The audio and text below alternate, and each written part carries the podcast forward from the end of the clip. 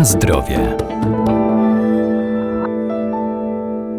Dieta to nasz styl życia, to co na co dzień spożywamy, jednak zależy ona od naszych predyspozycji czy dolegliwości. Dieta DASH pozwala obniżyć ciśnienie i schudnąć. Dieta lekkostrawna ułatwi trawienie. Co jeszcze warto o nich wiedzieć?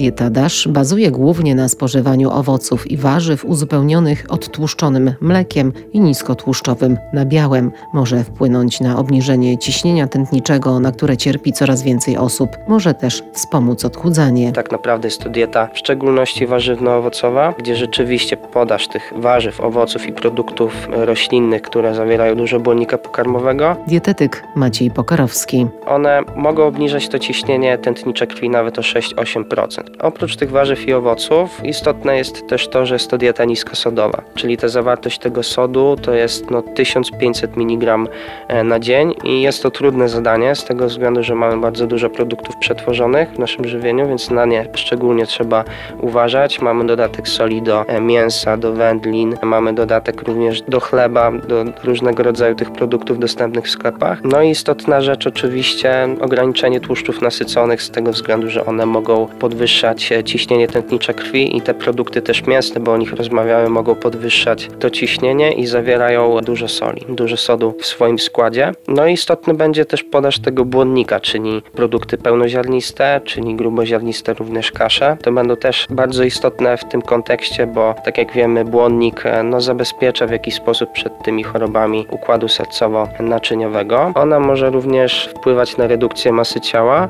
e, może też uregulować gospodarkę węglowodanu węglowodanową e, z tego względu, że mamy dużo tych węglowodanów złożonych, ograniczamy te cukry proste. Dodatkowo ta dieta DASH, no w niej zaleca się spożycie produktów mlecznych, ale z ograniczoną zawartością tych tłuszczów, więc tutaj z tymi tłuszczami e, też osoby, które są na tej diecie powinny uważać. Na zdrowie.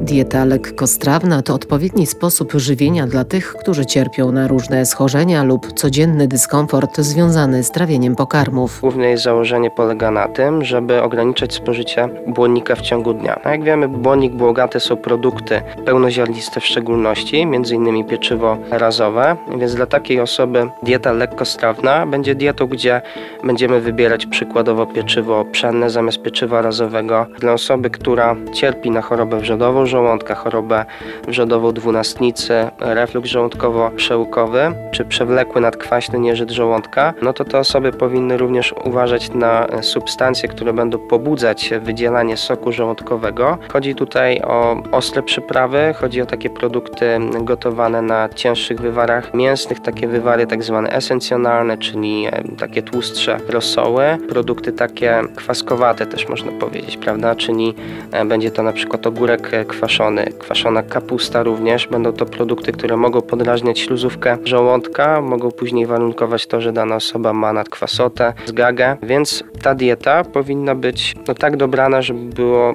e, bardzo dużo takich produktów łatwo przyswajalnych dla organizmu. Jeśli chodzi o warzywa, e, żeby były one łatwiej przyswajalne dla organizmu, to nie powinniśmy spożywać e, warzyw surowo, ale po prostu je wstępnie obgotowywać, prawda? To samo się tyczy również owoców i również należy uważać na smażone produkty. Rekomendowana obróbka jest to oczywiście gotowanie czy też pieczenie.